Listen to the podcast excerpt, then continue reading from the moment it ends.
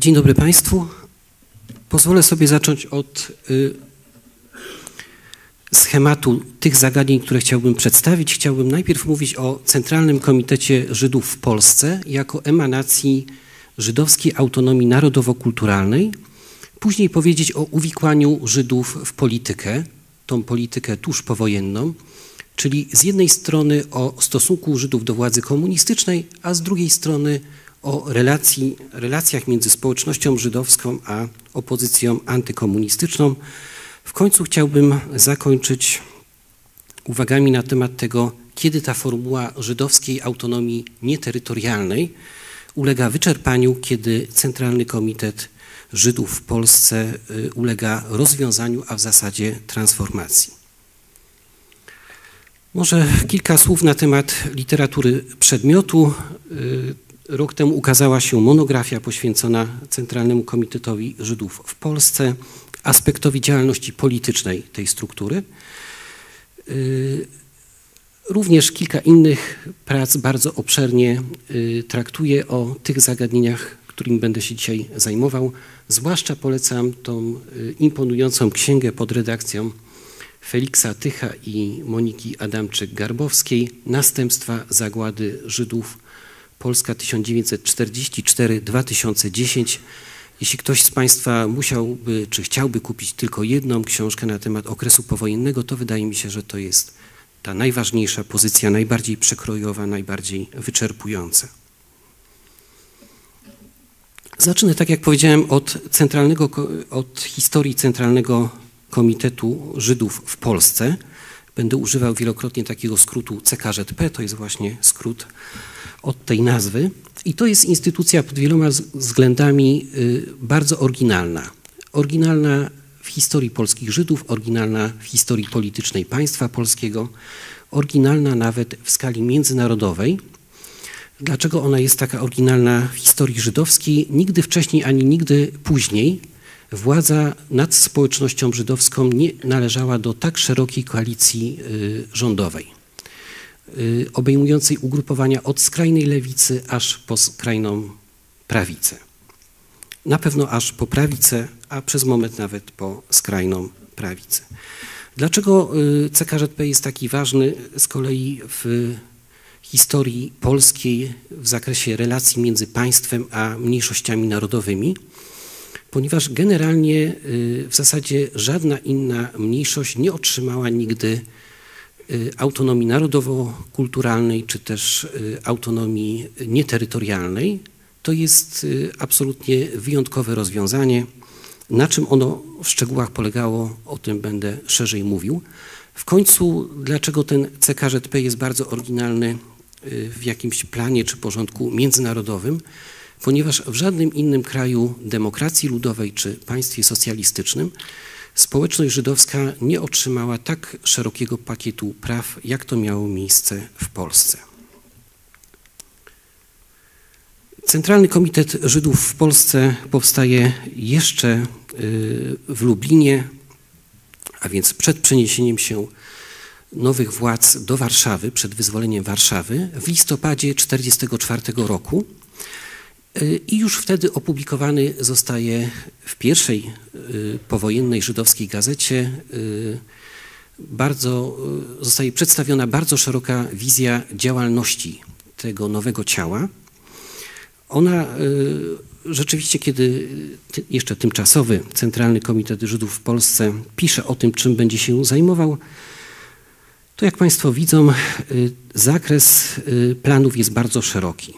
Y, komitet deklaruje, że będzie oczywiście wspomagał y, walkę polskiego państwa y, z okupantem hitlerowskim, ale też, że zajmie się życiem gospodarczym polskich Żydów, zajmie się odbudową życia kulturalnego, rozwojem żydowskiego szkolnictwa, zajmie się wskrzeszeniem żydowskiego życia religijnego, zajmie się żydowskimi sierotami, pomocą społeczną, y, zbieraniem i publikowaniem materiałów dotyczących y, walki i męczeństwa narodu żydowskiego w czasie wojny. Y, również będzie udzielał społeczności żydowskiej pomocy prawnej.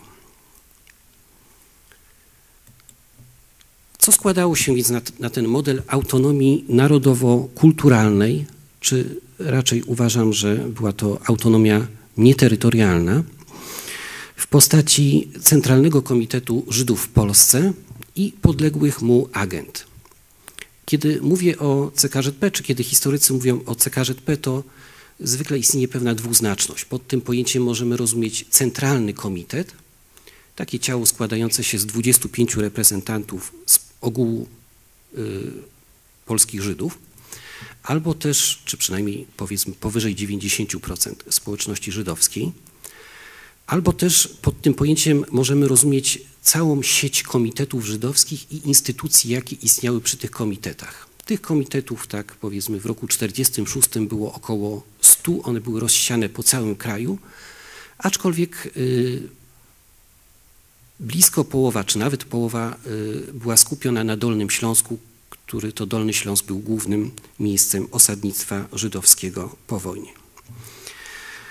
A więc tymi elementami y, autonomii y, narodowo-kulturalnej w postaci CKŻP było, były między innymi możliwość posiadania reprezentacji wobec władz państwowych. Przed wojną Żydzi nie posiadali takiej reprezentacji uznawanej przez władze państwowe. Y, polskie państwo nie dopuściło nawet do powstania centralnych władz Żydowskiego Związku Religijnego. Po wojnie taka reprezentacja istniała. Żydzi mogli tworzyć y, w zasadzie dosyć swobodnie własne partie polityczne. Tych partii było wręcz kilkanaście. One obejmowały cały szeroki wachlarz postaw od skrajnej prawicy po skrajną lewicę. Y, mniejszości żydowskiej przysługiwała wolność zrzeszania się i to było dosyć wyjątkowe. Tylko kilka mniejszości w tym okresie, tuż po 1944 roku, zyskało takie prawo. Y, generalnie dominująca wizja w klasie politycznej Polski Ludowej była taka, że, powin, że nowe państwo powinno być państwem jednolitym etnicznie. Uczyniono kilka wyjątków, między innymi dla Żydów, ale też dla Słowaków, Czechów, Rosjan.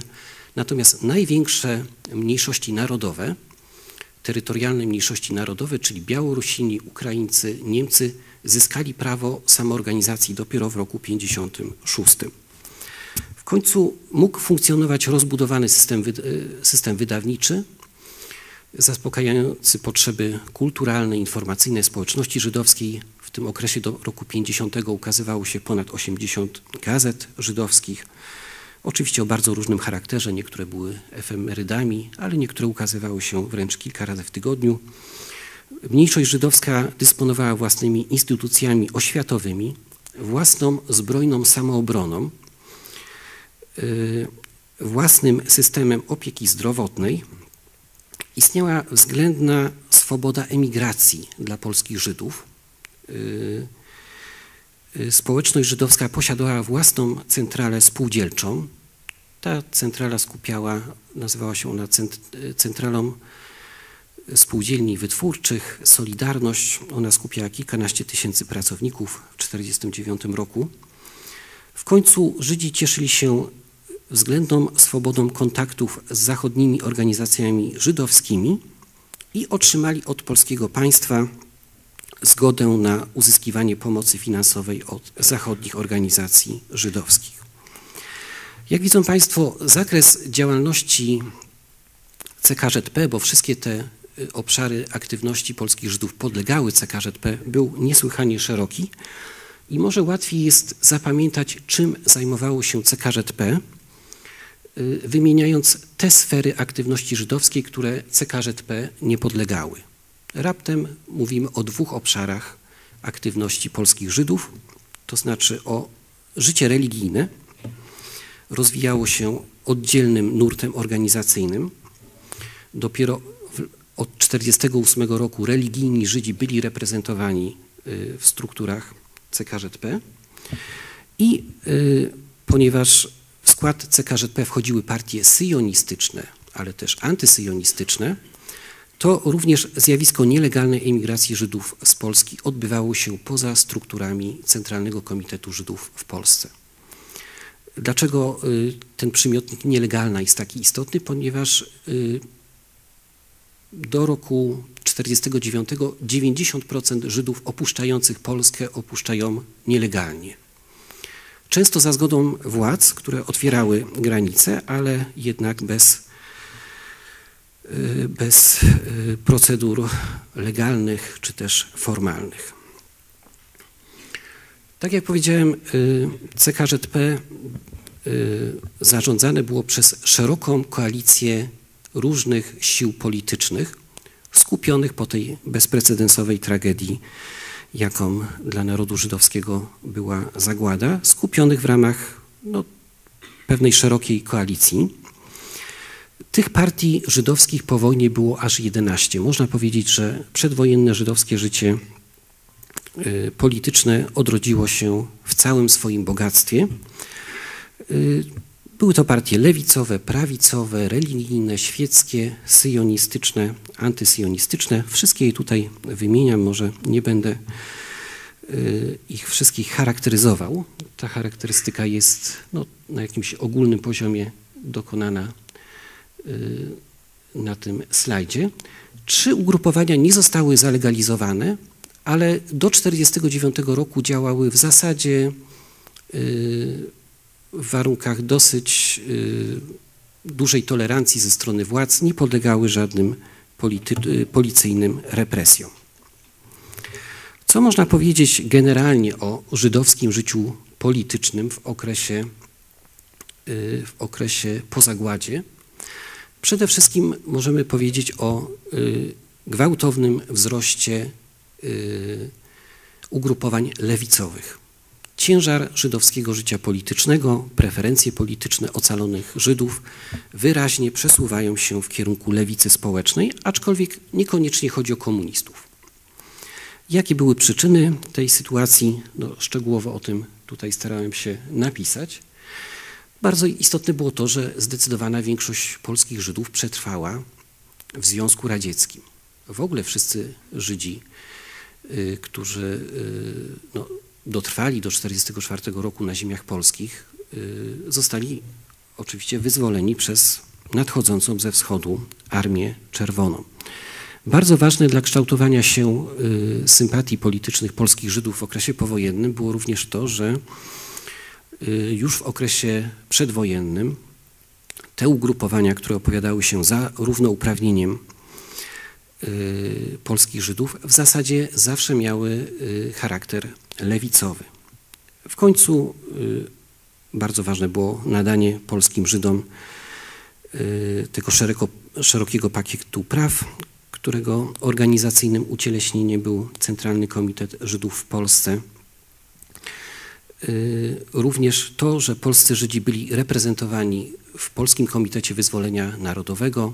Emil Sommerstein, przewodniczący, pierwszy przewodniczący CKŻP był ministrem w tym rządzie, ale też Żydzi zasiadali w Krajowej Radzie Narodowej, a potem w Sejmie Ustawodawczym, przedstawiciele społeczności żydowskiej.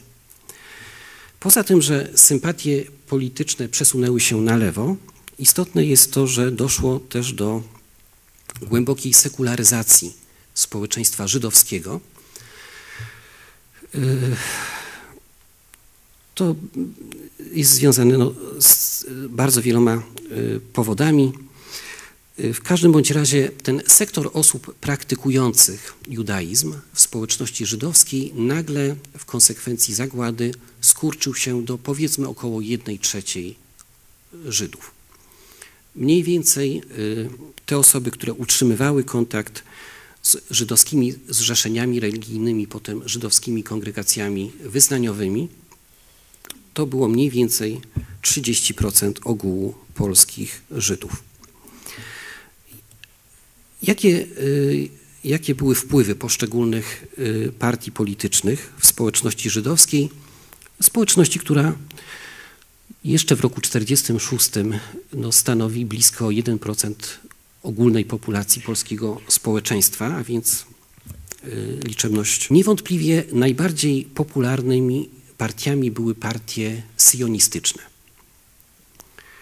Y, I kiedy widzą Państwo tutaj, y, o, przepraszam, kiedy widzą Państwo tutaj partie, y, żydowskie partie polityczne z informacją na temat ich liczebności, to widzą Państwo, że najbardziej popularnym stronnictwem było centrowo-prawicowe zrzeszenie sionistów, demokratów Ichud.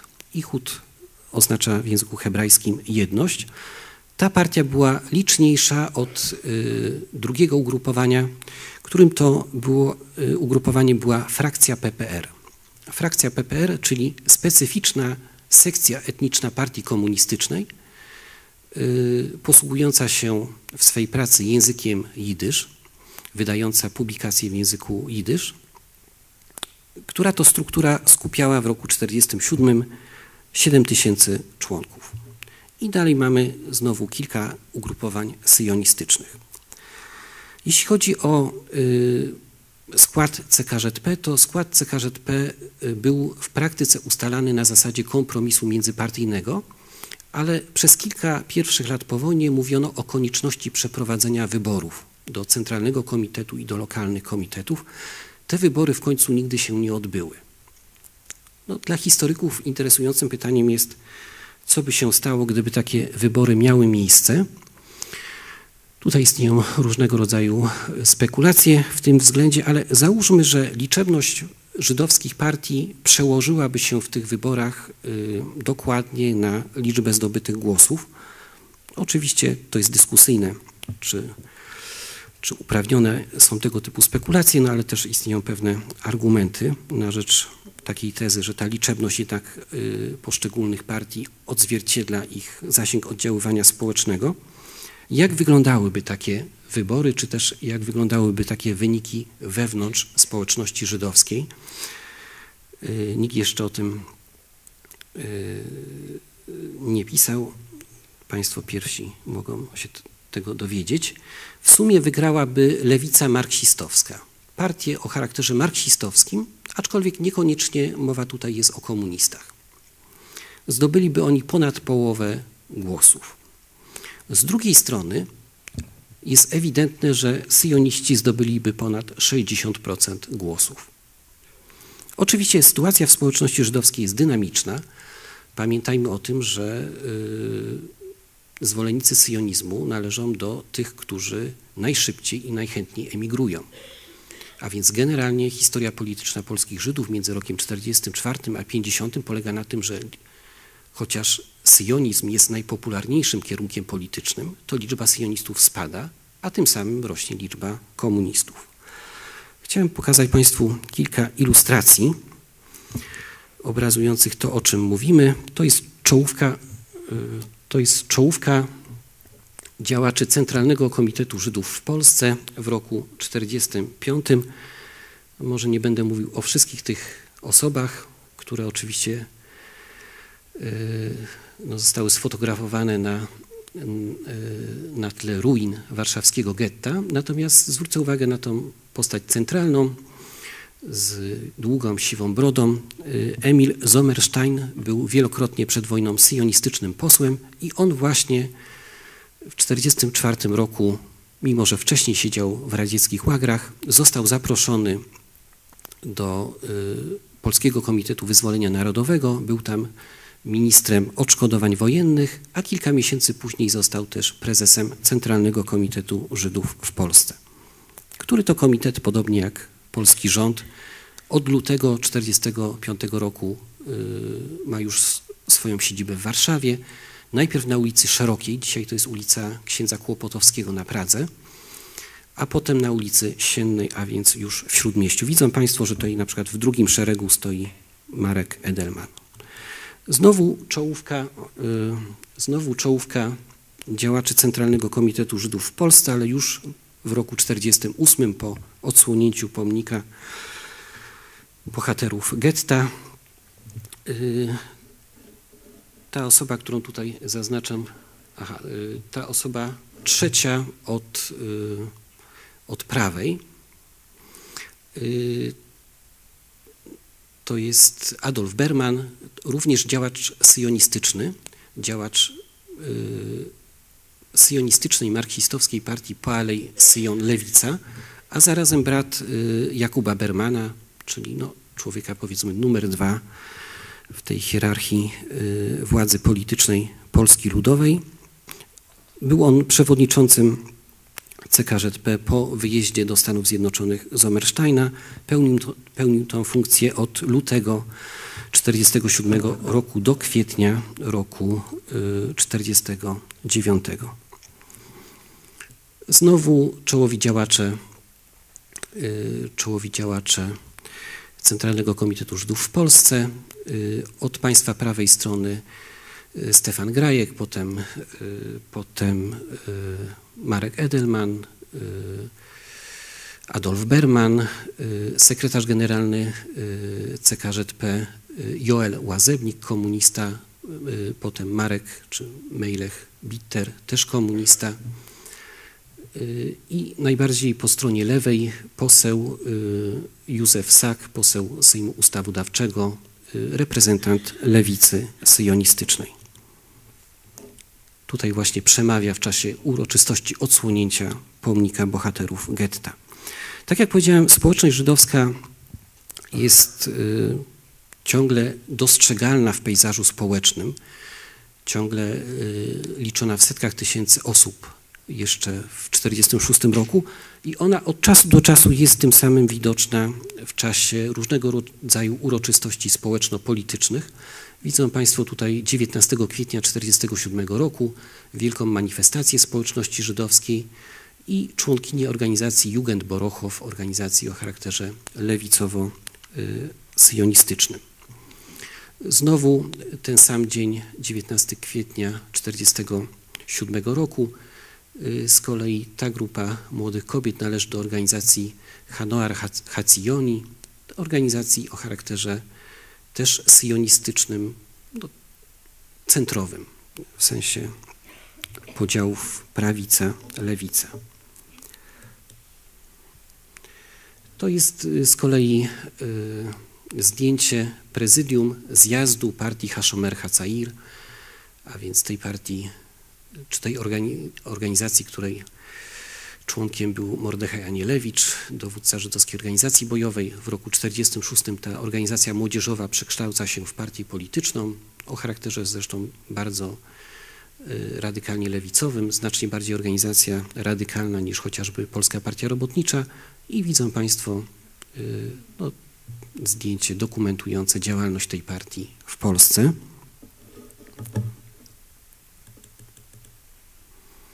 Grupa młodzieży z organizacji syjonistycznej Gordonia w mundurkach organizacyjnych. Y, to jest zdjęcie z jednego z kibuców na Dolnym Śląsku.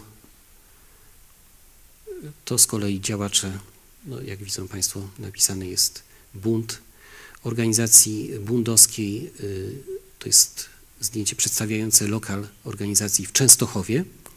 Tutaj natomiast mamy lokal organizacji bundowskiej w Warszawie. W Warszawie mieszkało w roku 1947 około, no przynajmniej 6 tysięcy polskich Żydów. To nie był największy ośrodek Polski, y, życia żydowskiego w Polsce. Znacznie większe grupy Żydów mieszkały na Dolnym Śląsku, we Wrocławiu, w Szczecinie, y, w, również w Łodzi, ale ta społeczność warszawska była bardzo silna, aczkolwiek dosyć zasymilowana bardzo dużo osób w Warszawie nie utrzymywało kontaktu z organizacjami żydowskimi. Y, bardzo widoczne grupy y, polityczne polskiego żydostwa były chociażby w dniu 1 maja i tutaj mamy takie zdjęcie przedstawiające działaczy łódzkiego bundu. Jeśli dobrze pamiętam, to jest rok 46 albo 47 może jeszcze jedno zdjęcie pokazujące to bogactwo, y, a zarazem rozdrobnienie polityczne polskiego żydostwa w okresie powojennym. To jest zdjęcie ze zjazdu y, bundu z roku 47, a więc w 50. rocznicę powstania partii. Zjazd odbył się w warszawskim Teatrze Roma. I może jeszcze dwa zdjęcia pokazujące obecność Żydów religijnych w przestrzeni publicznej. To jest naczelny rabin polski w okresie powojennym, pułkownik Ludowego Wojska Polskiego i naczelny rabin Wojska Polskiego. Było kilku takich rabinów y, w polskiej armii po wojnie, ponieważ po wojnie służyło w polskiej armii kilkanaście tysięcy Żydów. Y, Dawid Kahane, y, będący przywódcą religijnej partii syjonistycznej Mizrahi.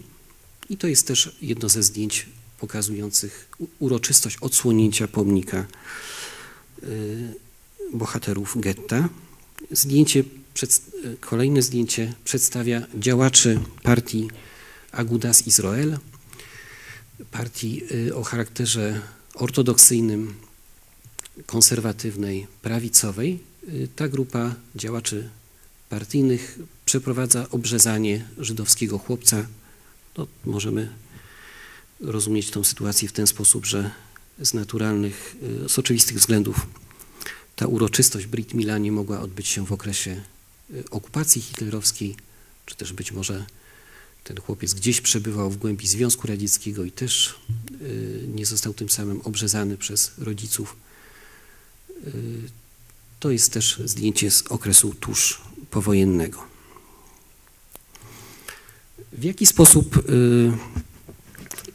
poszczególne partie żydowskie dzieliły się władzą w ramach Centralnego Komitetu Żydów w Polsce poprzez serię różnego rodzaju porozumień. I widzą Państwo tutaj taki komunikat o porozumieniu, które miało obowiązywać bardzo długo, bo od y, czerwca 1946 roku aż do lutego 1949 roku poszczególne partie żydowskie umawiały się odnośnie tego, ilu reprezentantów poszczególnych ugrupowań będzie reprezentowanych w Centralnym Komitecie Żydów y, w Polsce.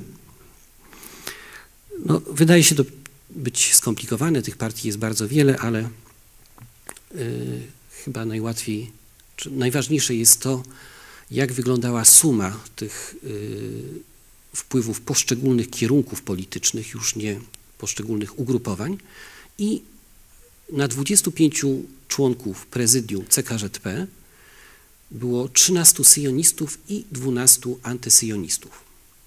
A więc bezwzględnie czy nieznacznie wiodącą siłą polityczną w CKŻP byli syjoniści, aczkolwiek podzieleni na różne partie polityczne. Oczywiście w kategoriach podziału prawica-lewica no, widać jest dominację, dominację lewicy, o czym już wspominałem.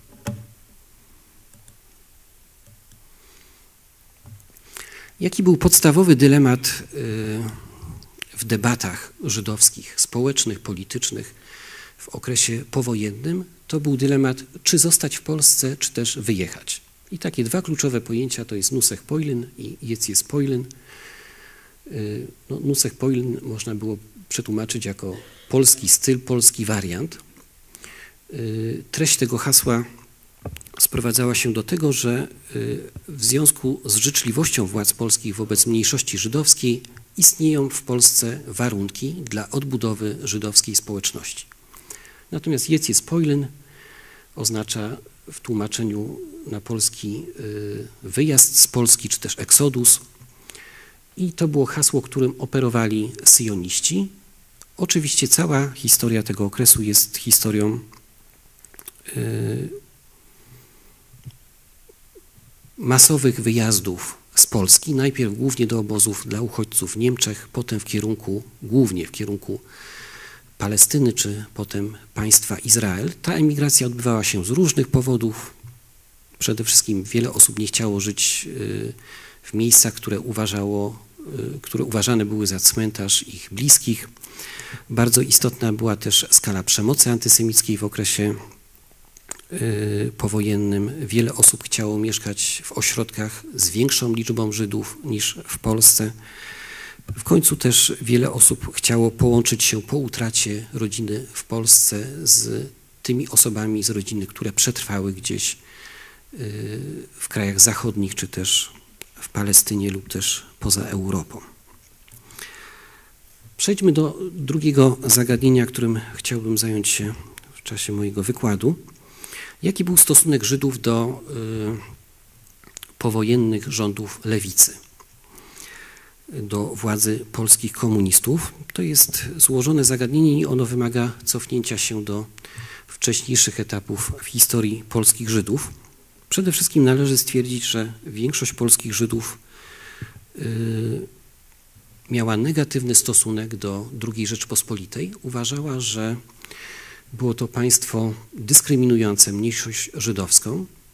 No, pamiętajmy, że w historii dwudziestolecia mamy do czynienia z czterema bardzo krwawymi falami pogromów. Pamiętajmy o tym, że Żydzi zostali wykluczeni z bardzo wielu funkcji, yy, których nie mogli sprawować, na przykład nie mogli pracować faktycznie, nie mogli pracować w administracji yy, rządowej. W zasadzie yy, nie mogli pełnić funkcji oficerskich w polskiej armii czy też, żeby być już bardziej precyzyjnym, to w sytuacji, kiedy 10% polskiego społeczeństwa tworzyli Żydzi, w polskiej armii odsetek y, Żydów pełniących, będących oficerami nie, nie przekroczył 0,5% ogółu oficerów. I po roku 28 gwałtownie y, ta liczba y, Żydów oficerów zaczęła się w armii kurczyć. I może przytoczę taki głos bardzo znanego żydowskiego dziennikarza, y, po wojnie piszącego dla prasy żydowskiej w Stanach Zjednoczonych, ale pochodzącego z Polski, co on uważał na temat emigracji, co on uważał na temat polskiej niepodległości.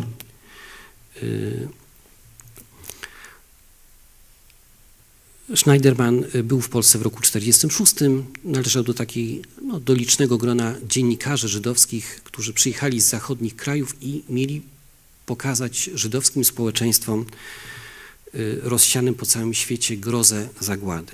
Co on pisał na temat y, utraconej przez Polskę niepodległości? Klasa panująca w Polsce pojęcie niepodległości interpretowała jako niepodległość od świata zewnętrznego, jako niezależność, w praktyce prześladowania mniejszości partii opozycyjnych, organizowania pogromów na Żydach i urządzania karnych ekspedycji przeciwko Ukraińcom i Białorusinom lub strzelania do strajkujących robotników. Klasa panująca w Polsce traktowała państwo jak prywatny folwark, jak majątek dziedzica i nie czuła żadnych związków z zewnętrznym demokratycznym światem, ani też nie odczuwała żadnych zobowiązań, jeśli chodzi o uniwersalne powszechnie przyjęte zasady humanitarne, pod którymi złożyła y, podpisy, sygnując różne międzynarodowe traktaty, poczynając od Wersalu. Na takiej oto hotentowskiej moralności w ostatnich latach opierało się polskie państwo. Konstytucja była pełna wszelkich dobrych deklaracji i prawdziwej demokracji, z wolnością słowa, wolnością prasy, wolnością religii, ale konstytucja była martwym, gwałconym i dawnym dokumentem.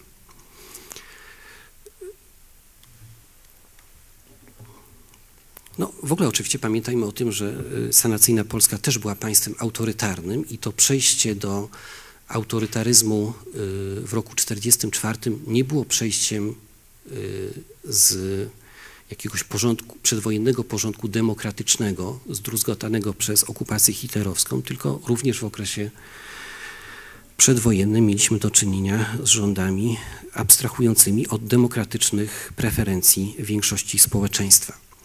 Bardzo ważne w tej refleksji o postawach politycznych polskich Żydów jest również stwierdzenie, że większość polskich Żydów negatywnie oceniała e, stosunek polskiego państwa podziemnego do tragedii żydowskiej, nie negowano różnych form pomocy, nie wiem, takich jak na przykład żegota, ale równocześnie stwierdzano, że ta pomoc y, była zbyt skromna i przyszła zbyt późno. Pamiętano również o bardzo licznych aktach zbrodni dokonywanych przez y, różne formacje związane z polskim państwem podziemnym, dokonywa, for, dokonywanych na polskich Żydach szukających schronienia y, przed okupantem w lasach. Innymi słowy, nie istniał jakikolwiek partyzancki oddział Armii Krajowej, żydowski oddział partyzancki Armii Krajowej, a z drugiej strony w szeregach komunistycznych możemy doszukać się licznych tego typu formacji. I to oczywiście też rzutowało na ocenę, yy, ocenę tego konfliktu politycznego, który rozgrywa się w Polsce w latach, no zwłaszcza 44-47, kiedy możemy mówić o swego rodzaju ograniczonej wojnie domowej w Polsce. To jest taki termin, który wprowadził profesor Ryszard Nazarewicz. I ten termin, y, za tym terminem stoi to, że w walce między antykomunistycznym zbrojnym podziemiem a polskim państwem w tej walce ginie być może nawet 50 tysięcy osób. Dlaczego, ta, dlaczego y, ten termin ograniczona wojna domowa? Ponieważ no, walki toczyły się tylko na niektórych terytoriach i ze strony opozycji antykomunistycznej mieliśmy do czynienia z walkami o charakterze partyzanckim. Może jeszcze taki cytat pokazujący niejednoznaczność stosunku polskiego państwa podziemnego do tragedii żydowskiej. To jest fragment meldunku komendanta okręgu białostockiego Armii Krajowej Władysława Liniarskiego, który pisał w grudniu 1943 roku, a więc w tym momencie, kiedy większość polskich Żydów już nie żyła, została zamordowana. Dzisiaj ludność z radością myśli o rozwoju rzemiosła, a zwłaszcza o możliwości umieszczenia w rzemiośle swoich dzieci w przyszłej odrodzonej Polsce i porównuje stan niewoli u Żydów pod tym względem jako miniony bezpowrotnie koszmar. Brak Żydów w rzemiośle jest prawdziwym dobrodziejstwem i łaską boską dla polskiej ludności, która w ten sposób głośno to wyraża. Takie same nadzieje pokłada ludność w handlu opanowanym już dzisiaj przez Polaków. Z drugiej strony możemy mówić o, y, a więc możemy mówić o negatywnym, negatywnej ocenie II Rzeczpospolitej ze strony społeczności żydowskiej, o negatywnej ocenie postawy polskiego państwa podziemnego i y, to wszystko spotyka się z życzliwym stosunkiem władz komunistycznych do społeczności żydowskiej. Y, jakie były determinanty tej polityki Polski Ludowej wobec Żydów? Pamiętajmy o tym, że y, KPP miała y, bogate tradycje walki z antysemityzmem w okresie II Rzeczpospolitej. Również przed wojną w partii komunistycznej istotny jej sektor, powiedzmy około 30% członków tej partii na początku lat 30. to były osoby pochodzenia żydowskiego, niekoniecznie uważające się za Żydów, Często byli to Polacy pochodzenia żydowskiego, ale oczywiście wpływało to na postawę partii w stosunku do y, tych różnych form dyskryminacji, szykan i przemocy antysemickiej, które były ele elementem rzeczywistości II Rzeczpospolitej. Bardzo istotne dla nadania y, autonomii y, społeczności żydowskiej było to, że ta społeczność nie miała charakteru terytorialnego. W przeciwieństwie do Ukraińców, Białorusinów, Niemców, a więc yy, nadanie tej autonomii mniejszości żydowskiej uważano, że w żaden sposób nie naruszy spoistości polskiego państwa, co zawsze było troską polskich elit politycznych, kiedy rozważano zastosowanie tego typu rozwiązania y, w polityce wobec mniejszości narodowych.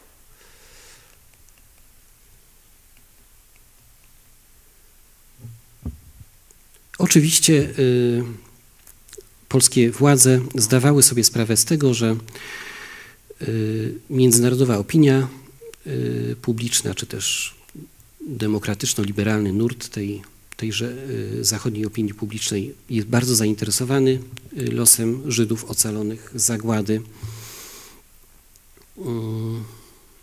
I to też w istotny sposób wpływało na postawę elity politycznej Polskiej Ludowej w stosunku do Żydów. Jaki był stosunek polskich partii politycznych do Żydów przed i przed zagładą, w czasie zagłady i po zagładzie? Bardzo istotne jest to, że w zasadzie zagłada nie zmieniła w tej materii zupełnie nic. I jedyne, y, jedyne ugrupowania, które opowiadały się za równouprawnieniem polskich Żydów, miały charakter, to były ugrupowania lewicy społecznej.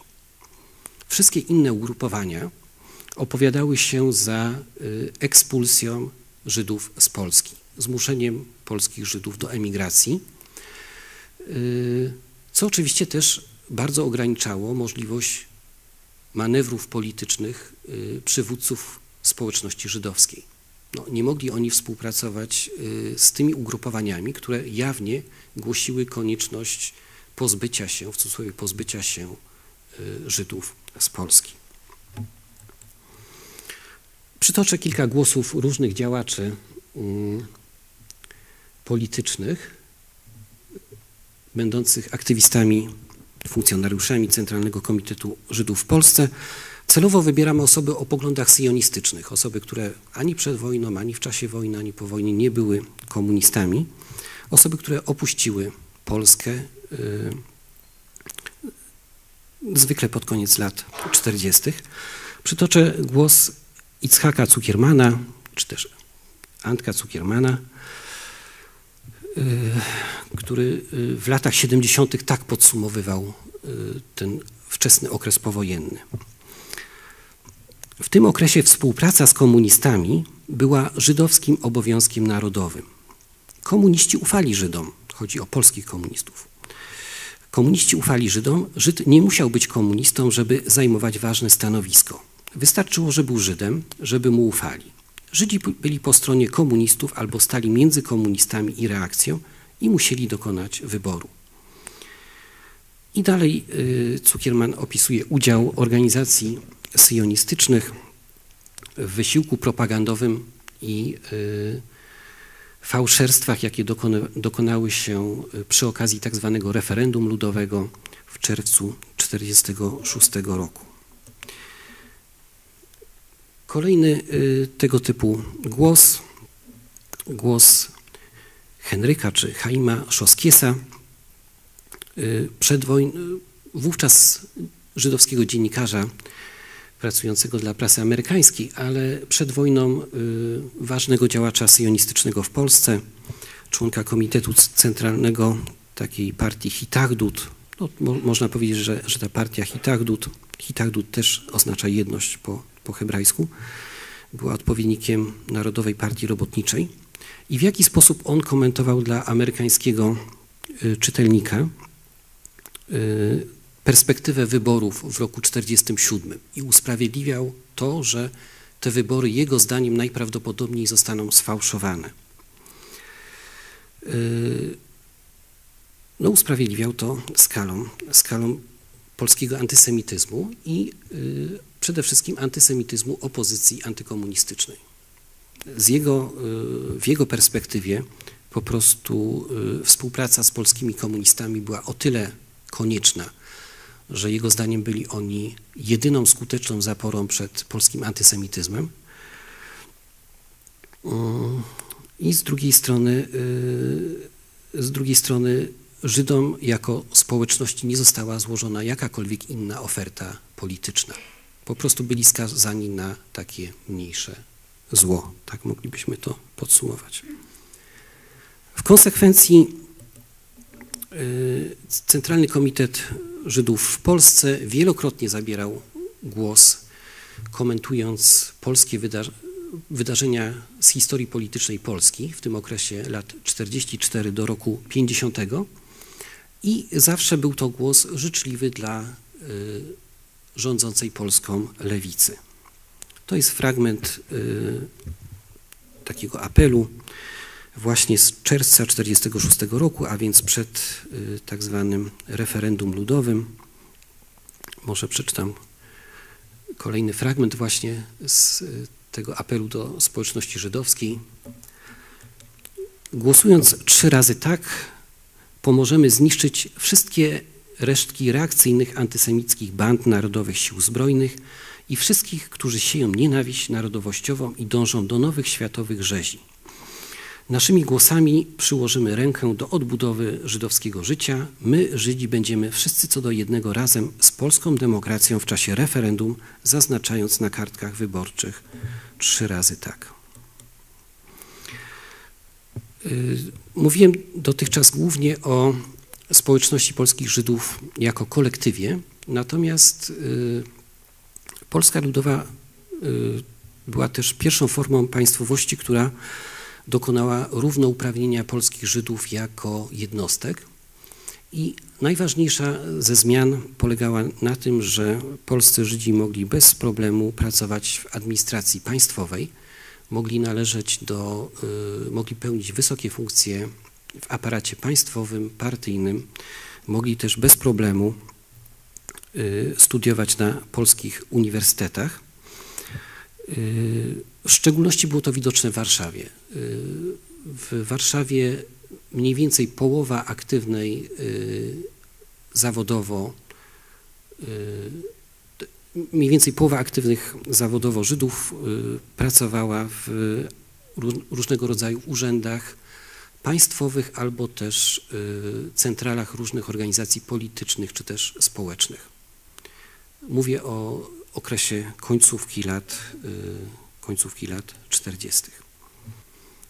I tego typu sytuacja, będąca no, prawdziwym nowum, oczywiście ona jest bardzo szeroko komentowana, w różnego pamię rodzaju pamiętnikach odnoszących się do tego okresu, a co ciekawe, ta sytuacja nawet była komentowana na posiedzeniach izraelskiego rządu. Tutaj mają Państwo głos posła y, państwa Izrael, na imię też miał Izrael, posła Izraela Barzilaja, który był obecny na posiedzeniu izraelskiego rządu w styczniu 1950 roku i właśnie tam referował taki punkt, y, zagadnienie udziału polskich Żydów w strukturach, strukturach aparatu represji Polski Ludowej. Możemy jeszcze potem powrócić do tej problematyki. Proszę Państwa, skoro powiedziałem o stosunku polskich Żydów do władzy komunistycznej, stosunku komunistów polskich do społeczności żydowskiej, to wydaje się, że no, niezbędnym uzupełnieniem jest również odniesienie y, doświadczenia polskich Żydów do y, działalności opozycji antykomunistycznej w okresie tuż powojennym. Y, no, głos CKZP na temat tejże opozycji był, był radykalnie negatywny. To jest fragment komunikatu CKZP z kwietnia 1945 roku i CKZP twierdzi, że y, y, tak zwane reakcyjne bandy, czy też tak zwane leśne grupy dokonały mordów na Żydach w okresie y, wojny, ale też po wyzwoleniu w Lublinie, Drohiczynie, Zarębach Kościelnych, Siemiatyczach, Sokołach, Briańsku, Śniadowie, Ostrowcu, Parczewie, Rykach, Kisielewie, Wieluniu, Jarosławiu, Przeworsku, Leżajsku, Śmierłowie, Skotnicy, Tarnobrzegu, Irenie, Boćkach, Mordach, Czyżowie, Wyszkowie, Koniec-Polu.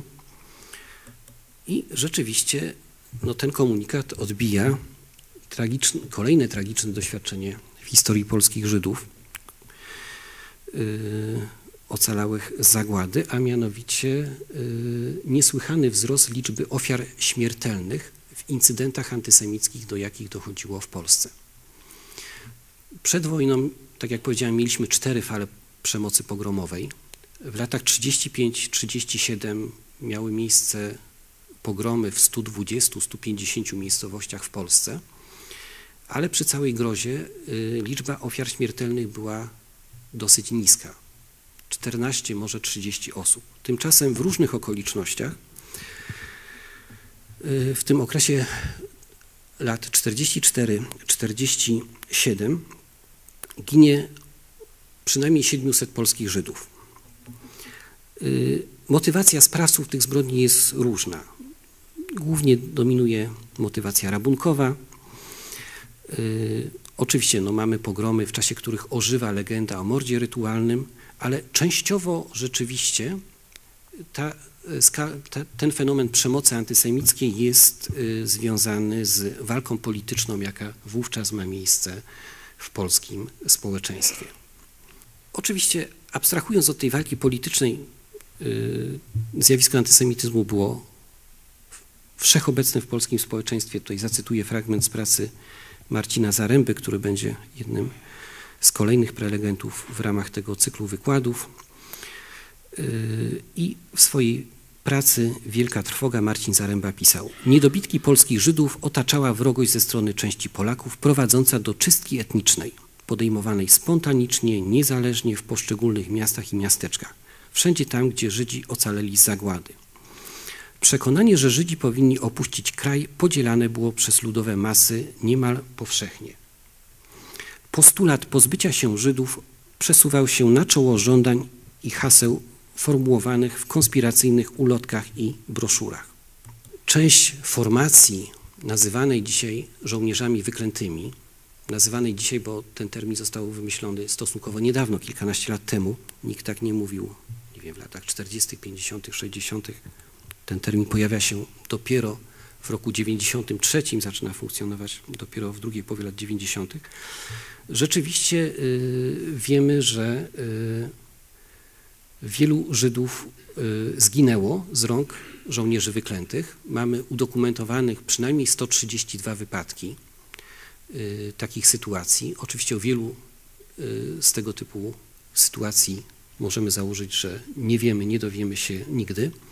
Co jest bardzo ciekawe, większość z tych Żydów zamordowanych przez tak zwanych żołnierzy wyklętych nie miała nic wspólnego ze strukturami władzy komunistycznej.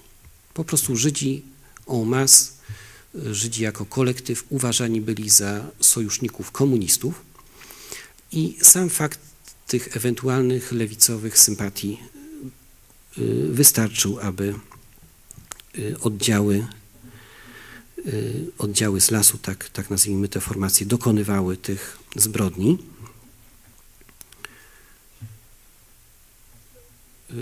Jak, jak postrzega, jak, jak w optyce czy żołnierzy wyklętych, czy apologetów żołnierzy wyklętych, takich historyków, którzy y, no, przyczynili się do spopularyzowania tego pojęcia, y, wyglądała kwestia motywacji sprawców. Tutaj sięgnę może po cytat z pracy Po zagładzie Marka Jana Chodakiewicza. Ta praca w języku polskim ukazała się bodajże w roku 2008, miała być odpowiedzią na strach Jana Tomasza Grossa już wcześniej ta praca ukazała się w języku angielskim. Y, no i pewnym problemem jest to, że y, wśród tego nurtu historyków, no, dla którego reprezentatywny jest Marek Jan Chodakiewicz, w zasadzie odpowiedzialność za przemoc antysemicką ponoszą same ofiary.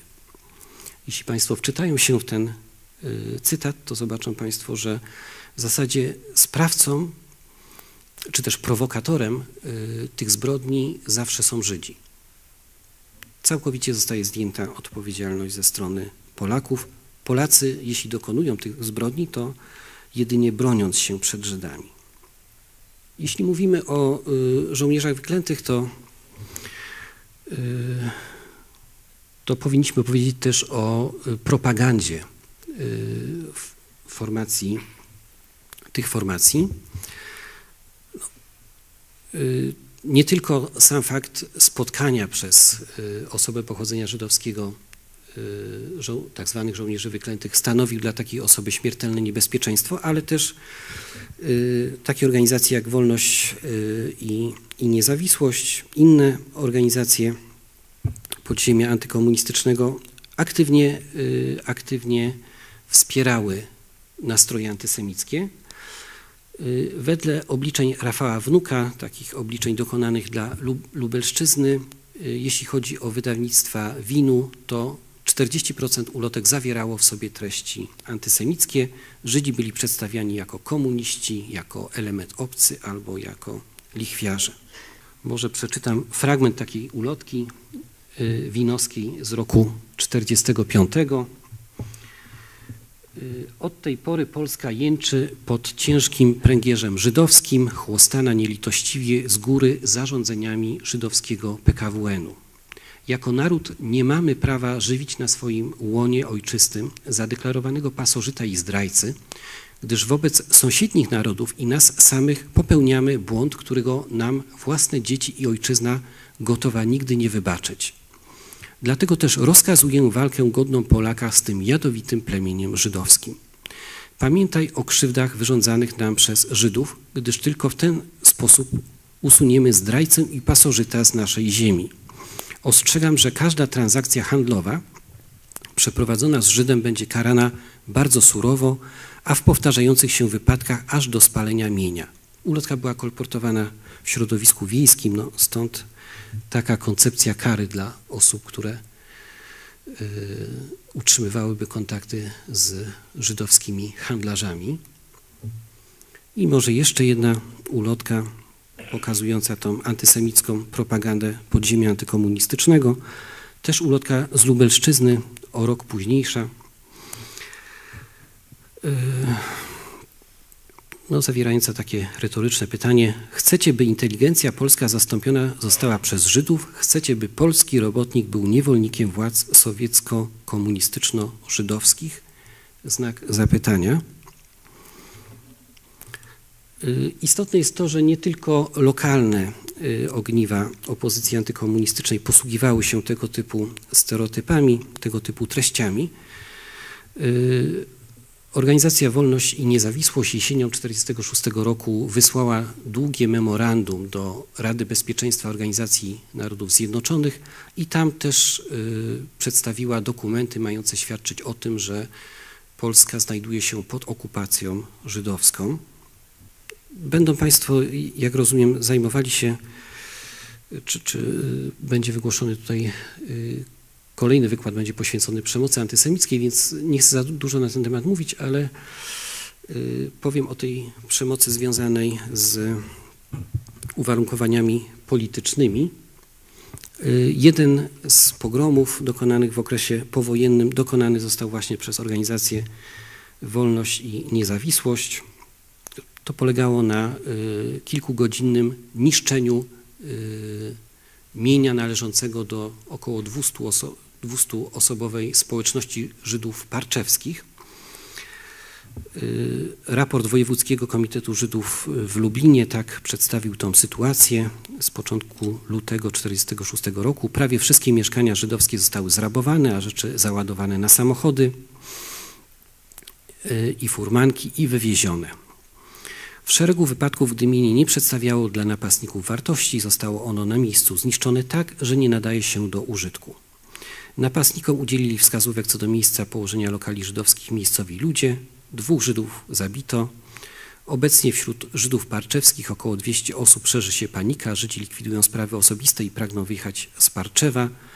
W mieszkaniach własnych nie nocują i ukrywają się na strychach i w piwnicach. I rzeczywiście kilka miesięcy później już ta społeczność parczewskich Żydów przestała istnieć z obawy przed tym, że no, takie sytuacje mogą się powtórzyć. Bardzo wielu y, przywódcom, y, dowódcom partyzantki antykomunistycznej możemy postawić zarzut udziału w zbrodniach antysemickich. Przy czym y, generalnie możemy powiedzieć, że te formacje partyzanckie, które dokonywały zbrodni na Żydach, dokonywały też y, zbrodni na innych, y, na innych mniejszościach narodowych.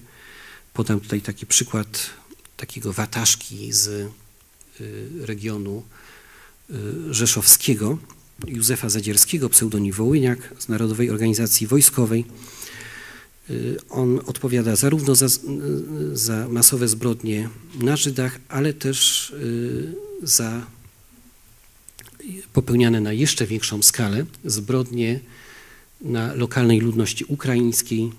Tutaj podałem przykład kilku takich zbrodni. Y, we wsi Piskorowice w kwietniu 1945 roku Y, jego oddział wymordował sto kilkadziesiąt osób narodowości ukraińskiej. Ofiary to głównie kobiety i dzieci.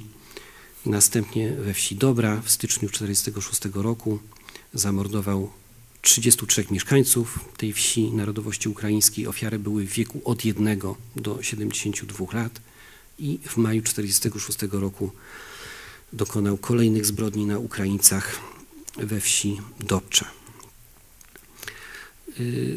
W jaki sposób, no, żeby dopełnić tego y, pejzażu opozycji antykomunistycznej, wspomnę krótko o postawie Kościoła katolickiego, który pozostał zupełnie bierny, jeśli chodzi o y, zbrodnie antysemickie, a co więcej uważał, że y, odpowiedzialność za te zbrodnie ponoszą sami Żydzi. To znalazło wyraz w takim oświadczeniu prymasa Chlonda po pogromie kieleckim Ląd stwierdził, że y, stosunki polsko-żydowskie były w zasadzie dobre, a to, że y, mają miejsce te przerażające zbrodnie, to jest kwestia współudziału Żydów w strukturach nowej władzy. Biskup Czesław Kaczmarek biskup Kielecki. Po pogromie kieleckim wręcz w raporcie napisanym y, do ambasady Stanów Zjednoczonych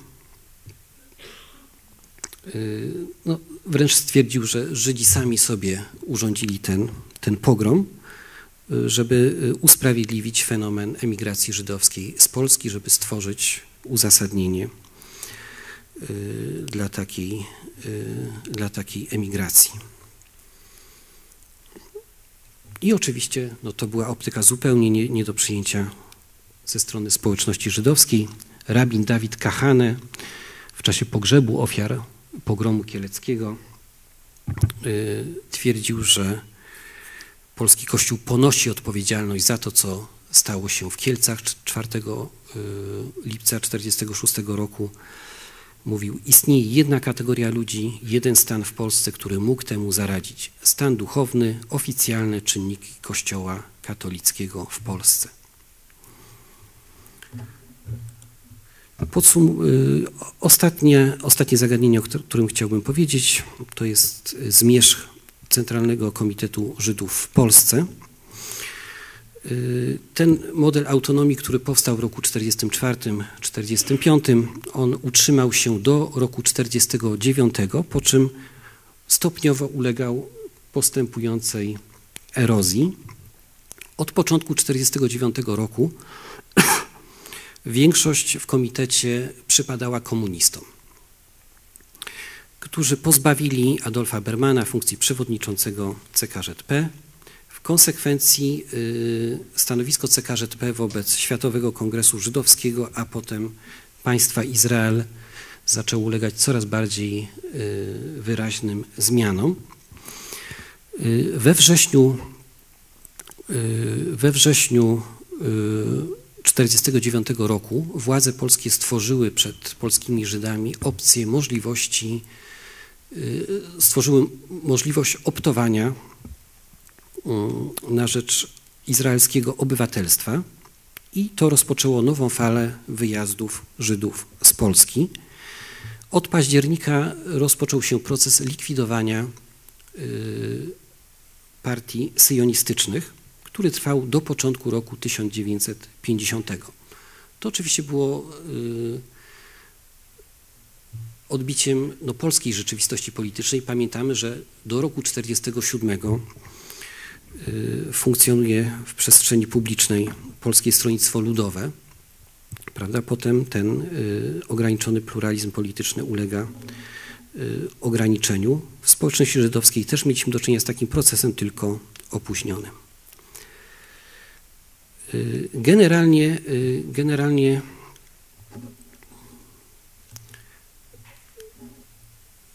polskim komunistom od roku 1949 zależało na ograniczaniu y, aktywności społeczności żydowskiej. Y, polegało to na zlikwidowaniu większości organizacji i instytucji żydowskich. W zasadzie od roku, y, od roku 50 mamy do czynienia z działalnością tylko dwóch organizacji w społeczności żydowskiej, a mianowicie z działalnością Związku Religijnego Wyznania Mojżeszowego i Towarzystwa Społeczno-Kulturalnego Żydów w Polsce, które powstaje na bazie wcześniej istniejących struktur komitetów y, żydowskich. Tym samym ten przełom roku 49-50 otwiera nowy etap w historii polskich Żydów. Dziękuję bardzo.